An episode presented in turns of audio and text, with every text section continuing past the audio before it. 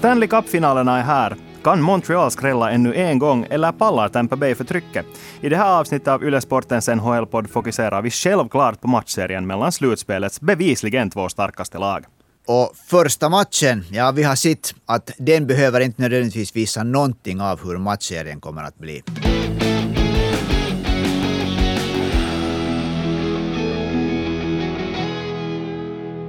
Ja, i det här avsnittet har du naturligtvis sällskap av Anders Nordensvan och mig, Mattias Simonsen. Men vi har också en specialgäst, nämligen Mattias Forsblom, som ska vara med de kommande veckorna. Och Forsblom, den första finalen slutade fem, i en 5-1-seger för Tampa Bay. Det här var säkert något som många hade väntat sig, men vad tycker du? Hur trodde du att den första matchen skulle sluta? Tampa Bay gällde ju som klar favorit i den här matchen och när vi tittar på, på, på matchen och vad som hände där så var det också välförtjänt. Inget snack om saken och jag tror att det nu handlar om om att om Tampa Bay vinner med 4-0, 4-1 eller 4-2. Det var, det var, det var, de, den matchen är avklarad. vi, säger, vi säger tack och hej då. Jag måste där, de som, de som har lyssnat på vår podd så vet ju att, att här klappar ett ganska stort Montreal-hjärta här hos den här talaren. Det där. Jag, det, det, var ju faktiskt som, som Mattias här sa, att det var väntat att Tampa skulle dominera den här första matchen. Det är väntat att de ska dominera matchserien. Men det har varit i och för sig väntat också att Montreal Canadiens ska bli utslaget. Bland annat Vegas, Vegas var solklar favorit, var totalt överlägsen i den första matchen, vann med 4-1 och det där. Nu blev det då 5-1 och det som vi kan säga att om, det, om den här matchbilden från, första, från den första matchen kommer att repeteras, bli, bli, bli likadan i den andra, så då blir det nog svårt för Montreal. Men jag är åtminstone inte ännu färdig att säga att det är helt så här det kommer att se ut. Vad tycker du annars att eh, Montreal behöver förbättra? Du har ju följt med dem ganska mycket här under säsongen? No, från första matchen måste ju förbättra egentligen allting. Det var misstag egentligen. Det var ju misstag som ledde till att, att Tampa kunde, kunde avgöra ganska... När, ska vi säga, när det blev 3-1 så såg det ju nog avgjort ut.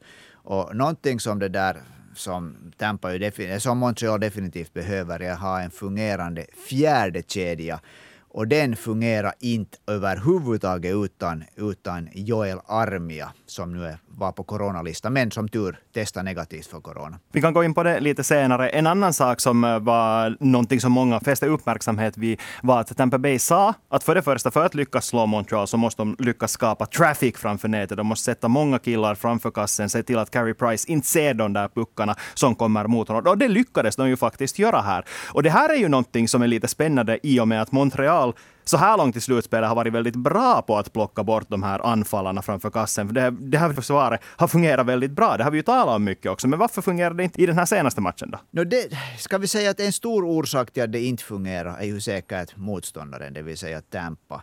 Att vi har ju sett under det här slutspelet att Tampa kan kan spela vilken typ av hockey som helst. Det, det här var också det i början så verkade det som de ungefär de första fem minuterna kolla lite att hur tänker Montreal spela. Sen börjar Tampa och kalibrera sitt spel. Och det har vi sett att det är, nog, det är nog ett lag som kan spela vilken typ av hockey som helst. För mig var det inte en överraskning att de faktiskt sen kunde penetrera det här tuffa Montreal, det där försvaret. Men annars då, den här målvaktsduellen är ju någonting som många fäster stor uppmärksamhet vid. Andrei Vasilevski kanske ska vi säga att vann den här första matchen. Han har ju själv sagt att det här är en jättestor ära att få mäta sig själv på ett visst sätt mot Carey Price. Var det så att, att Carey Price ändå gjorde det han kunde eller kan man lägga någon del av skulden på honom? No, enligt mig så skulle han säkert kunna, kunna tagit något av de här målen, men samtidigt tycker jag att man inte kan beskylla Gary Price för något enskilt mål. André Vasilevski Tampa Bay var ju igen snudd på perfekt det här målet av Montreal i slutet på den andra perioden. Sen studsade via två spelare, Anthony Cirelli och Ryan McDonough i mål, så Vasilevski var helt chanslös på den. Att Vasilevski var än en gång stabil Carey Price kan säkert spela bättre, men samtidigt om man tittar på slutsiffrorna 5-1 så även om Carey Price skulle ha gjort en riktigt, riktigt bra match så skulle Tampa Bay nog ha vunnit den här första matchen. Det är någonting som också, någonting som också siffrorna pekar på, att om man tittar på matchstatistiken härifrån så, så Lightning hade 27 skott medan Canadiens hade 19 skott. Och Canadiens tappade mera puckar, Tampa vann mera puckar tyckar. Det var nog, det var nog ett, liksom en match som såg ut att, att det där, Tampa hade kontrollen. Det var ju lite ironiskt att, att pucken, när, när Tampa gjorde 3-1 som sen kanske blev avgörande, att den gick via Ben Chiarots hand fram till Palat som slog den från luften in. Så det var det där. Det var ju en sån tillfällighet. Och det, det målet skulle ju ingen målvakt ha kunnat rädda. Jag blev lite överraskad när jag såg statistiken efter matchen, för då var det ju Kucherov som spelade in pucken som fick det här målet. Tyckte inte ni att det var att den pucken tog i på Andrei Palat?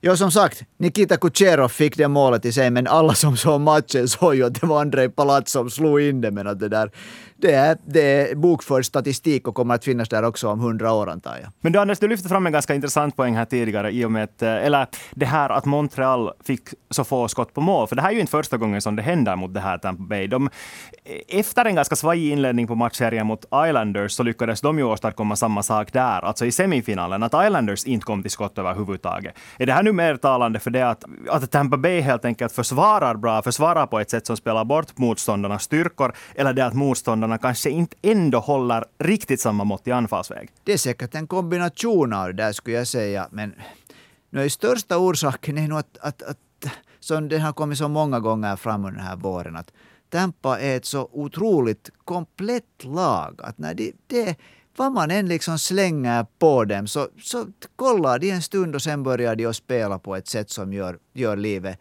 surt för, för det där motståndaren. Islanders lyckades ju pressa dem. Nu ska det nog bli intressant att se om Montreal kan höja sin nivå. Men som sagt, det här var bara en match finns det något överhuvudtaget ändå som talar för att Montreal klarar av att vända? För de gjorde ju det mot Vegas, de gjorde det mot Toronto i den första omgången. Klarar de av att göra det en tredje gång? Eh, svar nej, men allt är ju möjligt. Som man sa mot de här andra lagen så är det ingalunda omöjligt att, att vända serier och nu ska vi komma ihåg att det här, var, den här matchen spelades i Tampas hemmaarena och nu väntar ytterligare en match där innan man flyttar till Montreal och Montreal har ju framförallt på hemmaplan nog eh, goda chanser att till och med vinna dubbelt upp även om Tampa Bay förmodligen gäller som knapp favorit även på bortais. Det som ju det där måste ske. Att nu var ju den här första kedjan, eh, Montreals, om man nu vill kalla det för första kedjan med Philip Danault, Arthur Lehkonen och Brendan Gallagher, så de gjorde sitt arbete. De kämpade nog något helt fruktansvärt och, och Philip Danault vann 60 procent av teckningarna. Men, men det behövs en klar, ett klart lyft av det där andra kedjan med Nick Suzuki som hade minus tre i den här matchen. Han blev helt utspelad. Cooper matchade stenhårt uh, Braden Point mot Nick Suzuki och där tog ju nog Nick Suzuki på käften så att säga riktigt ordentligt. Däremot så visar, tycker jag, kedjan med Jesper i Kotkaniemi efter en lite trevande inledning ganska bra takter de kunde skapa så att det där de övriga kedjorna måste lyftas. Jag tycker att Jesperi Kotkaniemis kedja var redan på väg mot det hållet. Danos kedja håller sig, men Nick Suzukis kedja och sen fjärde kedjan, så nej, nej, nej, det funkar inte alls. No, Kotkaniemi noterades ju för en assist i den här matchen, så det talar väl för att, att han om någon lyckades här. Men eh, just den här andra kedjan tycker jag att det är ganska roligt ändå att du lyfter fram här, hur, hur dåliga de egentligen var. För nu, nu känns det ju lite ändå som att man mäter hur bra den här kedjan egentligen är. Just som du sa, matchades mot Braden Points kedja, kanske NHLs bästa kedja just nu. Och så har vi den här Montreals jätteroliga kedja, den här unga kedjan med Cole Caulfield och Nick Suzuki, som inte överhuvudtaget fick något till stånd i den här matchen. Men Forsman, du lyfte fram en ganska intressant poäng här tidigare, just att Montreal har chansen att även om de skulle förlora den här andra matchen så har de ändå chansen att till och med kvittera matchserien på hemmais. Och det som de får göra på hemmais är ju det att de får matcha vilken kedja de själva vill mot Braden Points kedja. Vilken kedja tror ni att de kommer att spela mot dem? No, det är ju helt klart att de försöker matcha Philip Danos kedja mot Braden Point. Det, det, det, det, det är jag hundraprocentigt säker på. Det, den kedjan kan äta upp motståndare, det har vi sett. Hur är det med Tampa Bay-spel då? Är det, det här, den här sortens insatser som vi ska vänta oss resten av serien också tror ni? Eller tror ni att det finns någonting som kommer att se annorlunda ut ju längre matchserien går? Säkert kommer Montreal att höja sig ett snäpp, men det såg vi också i matchserien mellan Tampa Bay och New York Islanders, att ibland var det jämna matcher och så hade vi den här 8-0. Att man ska definitivt inte dra för långa slutsatser av en match, tycker jag. Utan uh, i nästa match mellan, mellan Tampa Bay och Montreal, den andra matchen, så kommer man förmod, förmodligen att se ett revanschsuget Montreal. Dessutom ska man ju komma ihåg att Tampa Bay och Montreal inte har mötts överhuvudtaget den här säsongen och Montreal har säkert fått eh, uh, viktiga lite information om hur Tampa Bay spelar och vilka svagheter de har, så vi kommer ju också att, att, att se ett Montreal som har anpassat sitt spel till den andra matchen om man då jämför med den första om vi säger, kollar på det här att vad kan man förvänta sig att Tampa Bay fick det ut det vad de ville så Nikita Kucherov 2 plus 1, Braden Point 0 plus 3. Så hade vi Stamkon som gjorde ett Powerplaymål Där knäckte man den här långa sviten av Montreals utmärkta boxplay. Så jag skulle säga att egentligen att jo, Tampa fick nog exakt de grejerna de ville. Och så var den här tredje kedjan med Janni Gourde och Barkley Goodrow och Blake Coleman var just så bra som, som den ska vara. Så ja, jag tycker nog att de, de kan nog vara ganska nöjda med hur det såg ut i första matchen.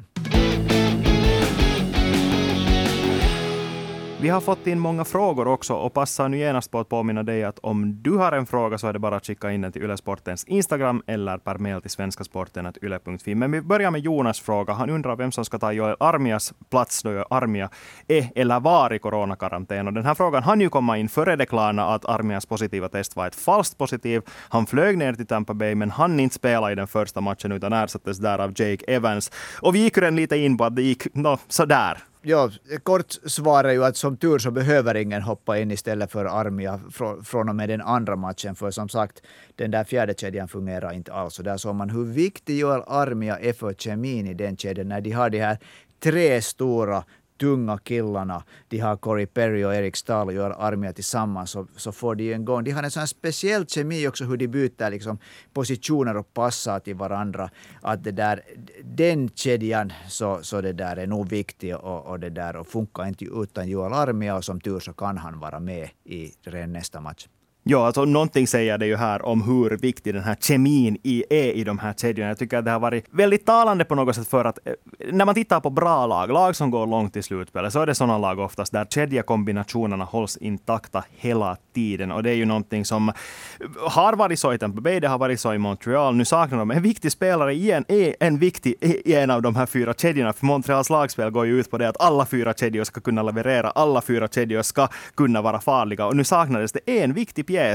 Trots att det var fjärde kedjan så får man väl säga att Joel Armia faktiskt har en plats i det här laget. Ja, speciellt i Montreal när det liksom inte bara man kan inte bara säga att det trots att det är en fjärde kedja, den har varit grymt viktig. Den har, kommit in, den har gjort sådana här stora byten som man säger. Den har kommit in liksom och, och, och väckt laget och gjort stora, stora mål. Så det där. Den, är, den är nog viktig. Jag vill också lyfta fram just den här kontinuiteten som du Mattias pratade om. Att det oerhört viktigt om man kollar på lag som har gått långt, vunnit mästerskap, vunnit guld. Så det är oftast så att eh, de här kedjorna är väldigt intakta, åtminstone under den andra halvan av säsongen.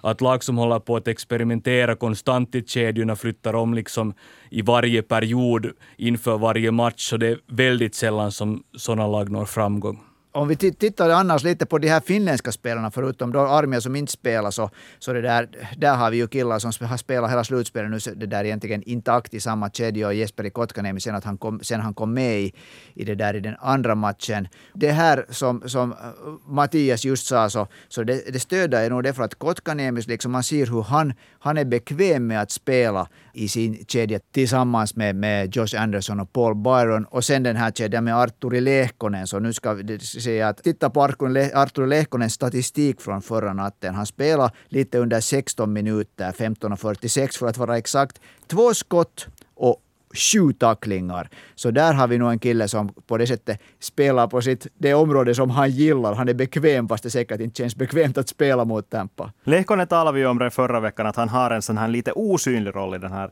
den här sin kedja. Att han gör det här jobbet som eh, krävs för att de andra spelarna där ska kunna stiga fram, vinna viktiga dueller och så här. Och det är ju någonting som absolut kommer att krävas Tampa Bay. Lite för att eh, dra paralleller till hur det såg ut i semifinalen så vill man ju kanske jämföra honom just med Leo Komarovs roll i den matchserien jag måste ju nu bara få säga här det där att, att efter förra veckan så har ju Arturi Lehkonen blivit odödlig i Montreal.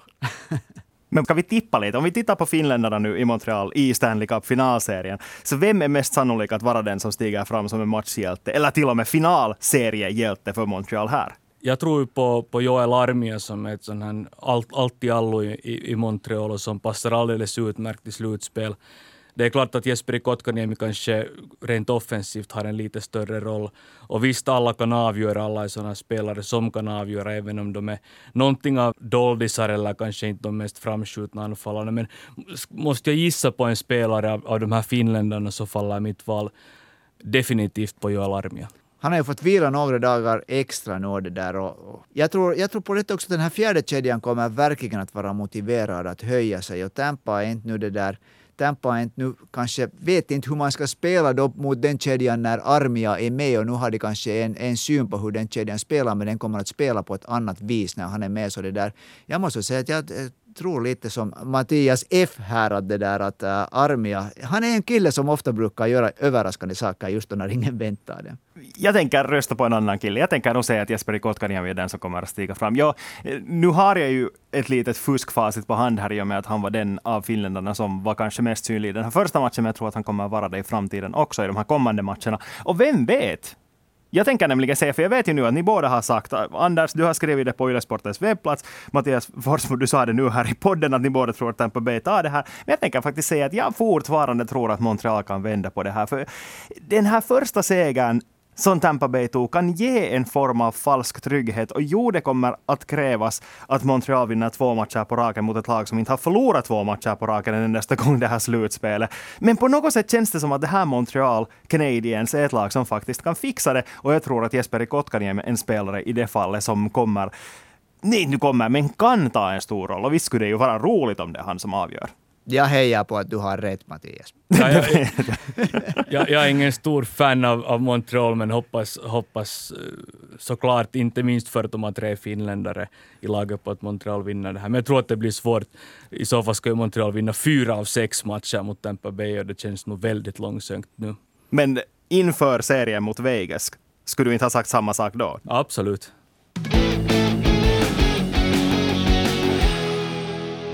Men vi tar och går vidare till en av det här slutspelets hetaste potatisar. Både Viktor och Patrik undrar om NHL nu kommer att ändra på reglerna för lönetaket. För det här är faktiskt något som vi inte ännu har hunnit diskutera alls i den här podden. Faktum är att Tampa Bay trixar så att de nu i praktiken är 18 miljoner dollar över lönetaket. Och Mattias F, det här är något som du är insatt i. Vill du lite förklara hur det här är möjligt att de gjorde så här? Jag räknade faktiskt hur mycket löner Tampa Bay hade i nattens match. De är 20 spelare och det var 89,3 miljoner och då är ju lönetaket på 81,5 så en snabb räkneprocess säger att de då var nästan 8 miljoner över det här lönetaket. Dessutom så brukar ju lagen ha oftast 23 spelare i truppen. Nu hade de alltså då spenderat 8 miljoner för mycket på 20 spelare. Men uh, orsaken till att Tampa Bay har så här mycket löner beror inte minst på Nikita Kucherov som har en lönetaksträff på 9,5 miljoner. Han saknades ju helt i, i grundserien då han var upplagd på den här långa skadelistan. Och det som är märkligt är ju att uh, lönetaket inte tillämpas i slutspelet. Och då Tampa Bay gjorde det här taktiskt smart och plocka in Kucherov först när slutspelet börjar, så kan man i princip använda då honom utan att det får några konsekvenser för, för lönetaket. Och det här har ju väckt en del reaktioner i NHL. Det är inte alla som har varit så där jättenöjda. Det var visst eh, Carolinas back Doggy Hamilton som eh, kritiserar Tampa Bay för att de har ett lag som nästan kostar, kostar 100 miljoner dollar. Sen finns det ju några andra spelare som också, också påverkar det här lönetaket. Det handlar då om anfallaren Marian Gaborik och målvakten Anders Nilsson, men de spelar ju inte mer i NHL, utan det här var så här lönetakstrixande som Tampa Bay använde sig av i, i, i slutet av grundserien. Men eh, så där, om vi ska sammanfatta det hela så kan vi konstatera att Tampa Bay använder ungefär 90 miljoner eller spelare till ett värde av 90 miljoner i, i, i slutspelet då de flesta andra lagen har ett lag som, som är åtminstone 10 miljoner billigare. Så visst känns det här lite orättvist, men samtidigt ska man komma ihåg att Tampa Bay tillämpar regelverket i NHL. Om det är möjligt att göra på det här sättet så, så kan man ju inte beskylla dem heller för det. Det, alltså, det är ju det diskuteras ju verkligen ganska hett det här i, det där, i NHL-kretsarna och, och det där de flesta som liksom eh, följer med och skriver och, och, och talar om NHL tycker ju att det här är helt skrattretande. Att det är ju helt vansinnigt att, att såklart ska det vara så att, att det gäller också för slutspelet. Det är fullständigt vansinnigt. Och när det är allra viktigast så då får man ha liksom... det gäller inte lönetaket. Men det tycks vara någonting som det där kommissionären Gary Bettman stenhårt tycker att, att det ska få vara så här. För det finns, liksom, det finns ju ingen logik bakom det här allt handlar ju också om NHLs tolkning här. Nu är jag inte helt på det klara om, om man funderar på, på att eh, tolka reglerna på ett annat sätt i, i, i framtiden. Jag tror inte att det, det, är helt omöjligt, men, men det får vi kanske se om, om ett år. Mm. I grund och botten handlar väl det här om det att att ligaåret ska ta slut när grundserien tar slut också, i och med att spelarna i praktiken inte får lön för att de spelar i slutspel. För det skulle sen göra kontraktsförhandlingarna mycket mer komplicerade om man skulle hamna räkna med slutspelslön också dit. Och det, det det faktumet tillåter sen lag i princip att trixa så här som Tampa Bay gjort. Och jo, det finns massor andra variabler, som det här som du nämnde, att till exempel shoppa in, in Marian Gaborik som inte kommer att spela bara för att kunna använda hans kontrakt för att få eh, i princip lättnader, skattelättnader om vi får använda sådana ord, för att sen ha råd att shoppa in andra spelare som man har boostat upp truppen med. Och Carolina är ju inte heller, eller Dougie Hamilton var ju inte den enda som har kritiserat de här. Det känns ju som att såväl Carolina som Florida som Islanders har talat om det här att ja, ja, no, vi förlorar, men vi förlorar mot ett lag som har fuskat, så det, det, är inte, det spelar inte så stor roll egentligen. Och månne inte Montreal kommer att klaga över det också om den här matchserien fortsätter på det här viset. Kritiken är ju befogad om man tänker att om man plockar bort Nikita Kucherov från Tampa Bay så är frågan om de ens hade gått till final, knappast. Åtminstone skulle, skulle de ha 30, 30 poäng mindre liksom i po poängligan. Men till själva frågan då, tror ni att man nu kommer att se över det här regelverket efter det här? Jag vill inte kalla det fiasko, men det är säkert många som kallar det fiasko. Jag måste säga att jag vet, vet inte hur det kommer att gå, men, men en ren gissning är att de andra klubbarna är så missnöjda med det här upplägget att man kräver att NHL tittar på det här. Och nu är det ju som vi vet så, Gary Bettman är ju den killen som, som är språkröret, men det är ju ägarna som bestämmer. Han är ju deras språkrör. Så det är nog Alltså för mig är det ju helt absurt om inte, om inte de flesta ägarna är mycket sura över det här. För att, det där, att man får spendera mera pengar än man egentligen då, om man ser det lite liksom karikerat, har råd till. Men samtidigt kan man ju också se det som en guide till de övriga ägarna, att hur de ska fuska för att komma förbi lönetaket. Ja, men det finns ju bara en del av de här lagen som, som har resurser att göra. Det är många lag som har det ganska kärvt egentligen. Det finns ju bara de här vissa organisationer som har pengar att göra sådana här grejer. Det som man kritiserar här i slutet av grundserien var ju att eller också under slutspelet under våren, var att Nikita Kucherov hade ju haft möjlighet att komma tillbaka redan visst i typ mitten av mars efter sin operation. Men eftersom planen var då att uh, han först ska återkomma i slutspelet, så fick han då ta en paus, träna under en månad, trots att han hade kunnat spela. Och om då NHL hade, hade tvingat Kutjerov att spela, så hade det ju skapat otroliga problem för Tampa Bay med det här, med det här lönetaket. Det var nog ett hundraprocentigt överlagt eh, tankesätt att man vill ha, man vill liksom ha möjlighet att ta, in ännu lite spelare där vid trade deadline och sen det där tar man in, tar man in Nikita när det, när det börjar spelas som pokalen. Men sen ska man komma ihåg att det här var ju en förkortad grundserie också. Kucherov var i behov av en operation. Att offra en stjärnspelare under en normal säsong med 82 matcher tror jag inte att, att klubbarna är sådär jättesugna på. Så jag tror inte att det här kommer att upprepas ett, ett motsvarande fall under kommande säsongerna. Jag tror inte att spelare är så sugna på att missa sex eh, månader av grundseriehockey för att, för att laget ska få lönetaket att fungera. Det är kanske inte sex månader, men nu säg en och en halv månad om du lyssnar på klubbchefen som säger att hej, att nu har vi chansen att köpa in några viktiga, tunga pjäser, backar som kommer att hjälpa oss att gå långt i det här slutspelet. Bara du vilar i en och en halv månad till så kanske tänker så att ah, nej, kanske det skulle vara helt skönt att rehabba lite extra. Ja, men den här lönetaks, det här är jättekomplicerad matematik. Man är tvungen i början, för att maximera det här lönetaksutrymmet så är man tvungen att redan i början av säsongen vara på den här långa skadelistan och få maximal fördel. Så, så man har inte samma möjligheter under säsongen att, att utnyttja sådana här hål i regelverket.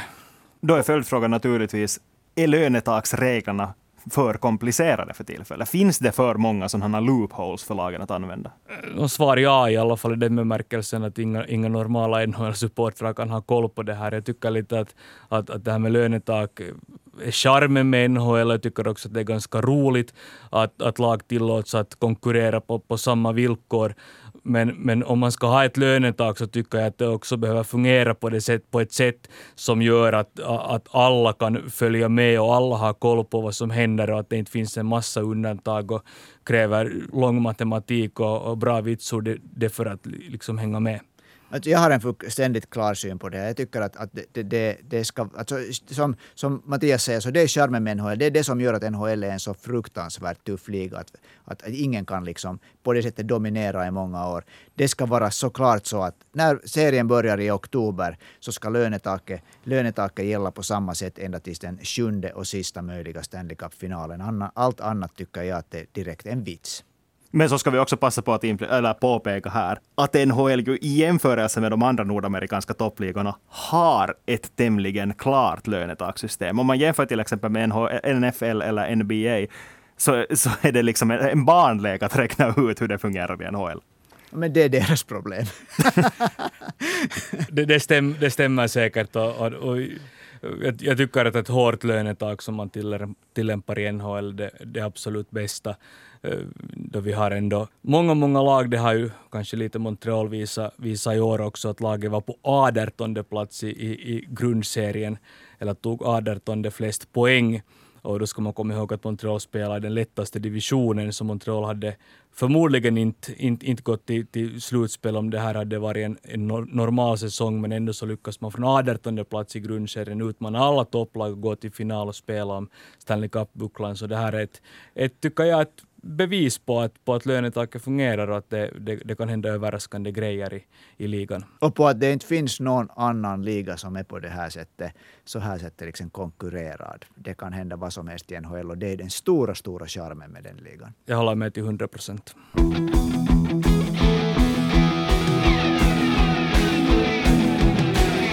Men en sista fråga. Simon undrar vad som vi tycker att är häftigare är det Pat Maroon som skulle kunna vinna back-to-back-to-back Stanley Cup eller är det att Carey Price vinner Stanley Cup? Det är en bra fråga. Det finns ju två bra alternativ där.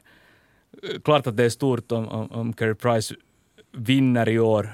Han var ju så kritiserad i mitten av säsongen då Jake Allen för en stund åtminstone spela, spela bättre och spela mer i Montreal.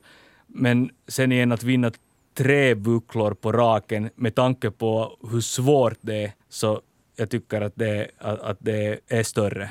Jag är inte en hemskt stor anhängare av Pat Maroon. Jag tycker det är lite...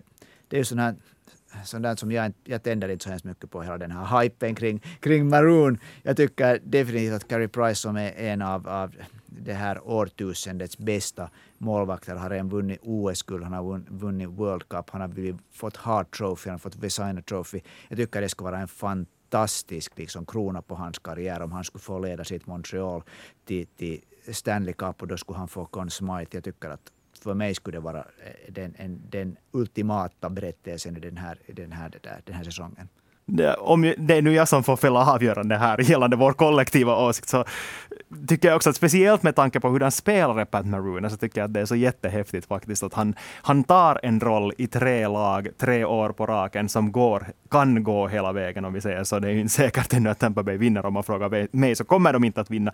Men samtidigt så håller jag nog med dig Anders. Carey Price, en så fantastisk karriär, har ändå symboliserat allt som Montreal har gjort det här slutspelet. Det är fullständigt omöjligt att ge Conn Smythe åt någon annan, åt någon spelare i det här laget om de går hela vägen, utan i så fall är det Carey Price som ska få det. Det är han som ska vara den stora symbolen för det här laget som chockar hela världen om det går vägen. Så jag tänker också rösta på Carey Price. Frågade ju om Price inte, inte, inte vinner priset som slutspelets bästa spelare. Säg att Tampa Bay vinner med 4-3 matcher och Montreal kommer ytterst nära vi har sett det tidigare att, att, att, spelare i förlorande lag faktiskt kan vinna även om det är osannolikt. Och då är det just målvakter, så det där, det, det där tycker jag att det är en det där ganska relevant synpunkt. Och med det tar vi och sätter punkt för det här avsnittet av Yle Sportens NHL-podd. Anders och Mattias F är tillbaka igen nästa vecka. Tack och hej! Tack och hej!